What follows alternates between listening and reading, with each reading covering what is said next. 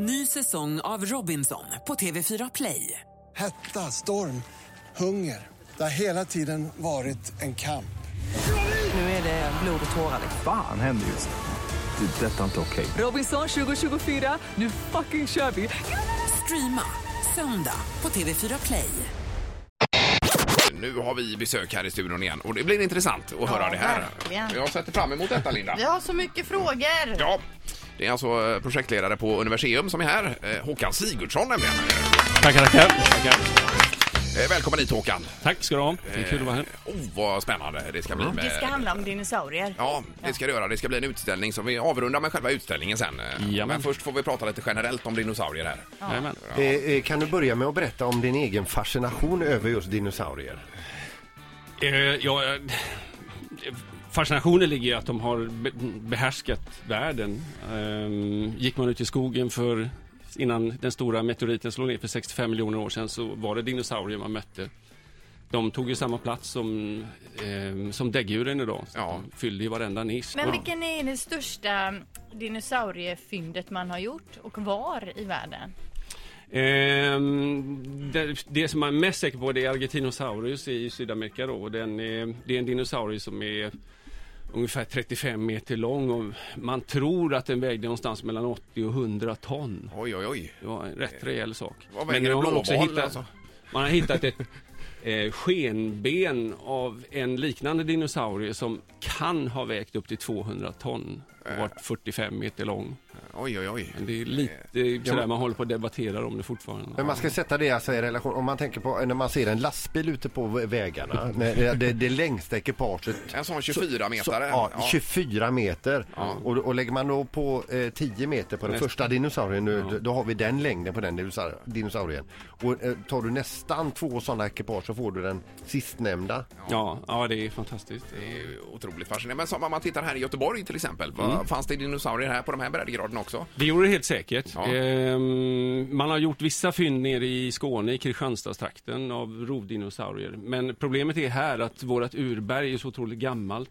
Så det krävs ju för att få de här fossilerna att det har bildats berg under den här Mesozoikum som det hette då när dinosaurierna levde. Mhm. Så att berget har liksom täckts över dem. Men eftersom vårt berg är så gammalt så när någonting har dött så har det spolats iväg. Ja, men var, var det köttätare då i så fall som bodde här? Oh eller? ja, det borde både, finns det växtätare finns det köttätare. Ja, det är så det är. Jajamän. Mm. Men ja. eh, då, vilken färg hade dinosaurierna och hur vet man det? Eh, nu är det ju då så att eh, man har kommit fram till att många av de här stora köttätarna och små köttätarna hade fjädrar. Och det hjälper till. Mm. Men det här är helt nya rön alltså, ursäkta jag avbryter. Men... Nej, det är ingen fara. Eh, ja, man har ju vetat att det har funnits fåglar.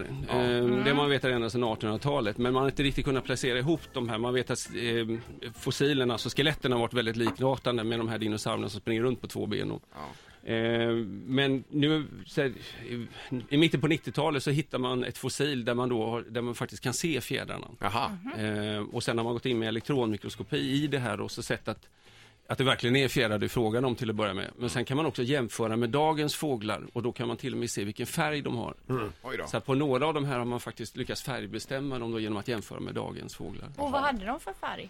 Eh, man vet bara ett fåtal av dem. Eh, framförallt vet man den första då som heter Sinosauropteryx som var en ganska liten, en meter lång dinosaurie. Den var rostbrun med ränder på sig.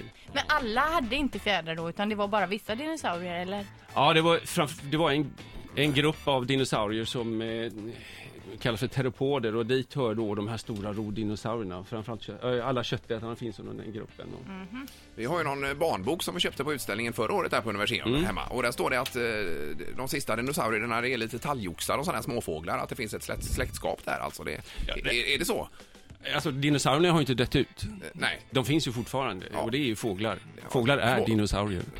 Ja, det är så alltså? Ja, Ja, det är det. Okej. Så egentligen får jag fel om fåglar. Om det fanns dinosaurier i Sverige, för det finns dinosaurier i Sverige. Ja, ja. I Sverige. Vi Ja, matar dem det- i det är det första man Så då tänker kan man på- säga, titta där barn, här kommer en dinosaurie Jajamän, flygande. det kan du göra.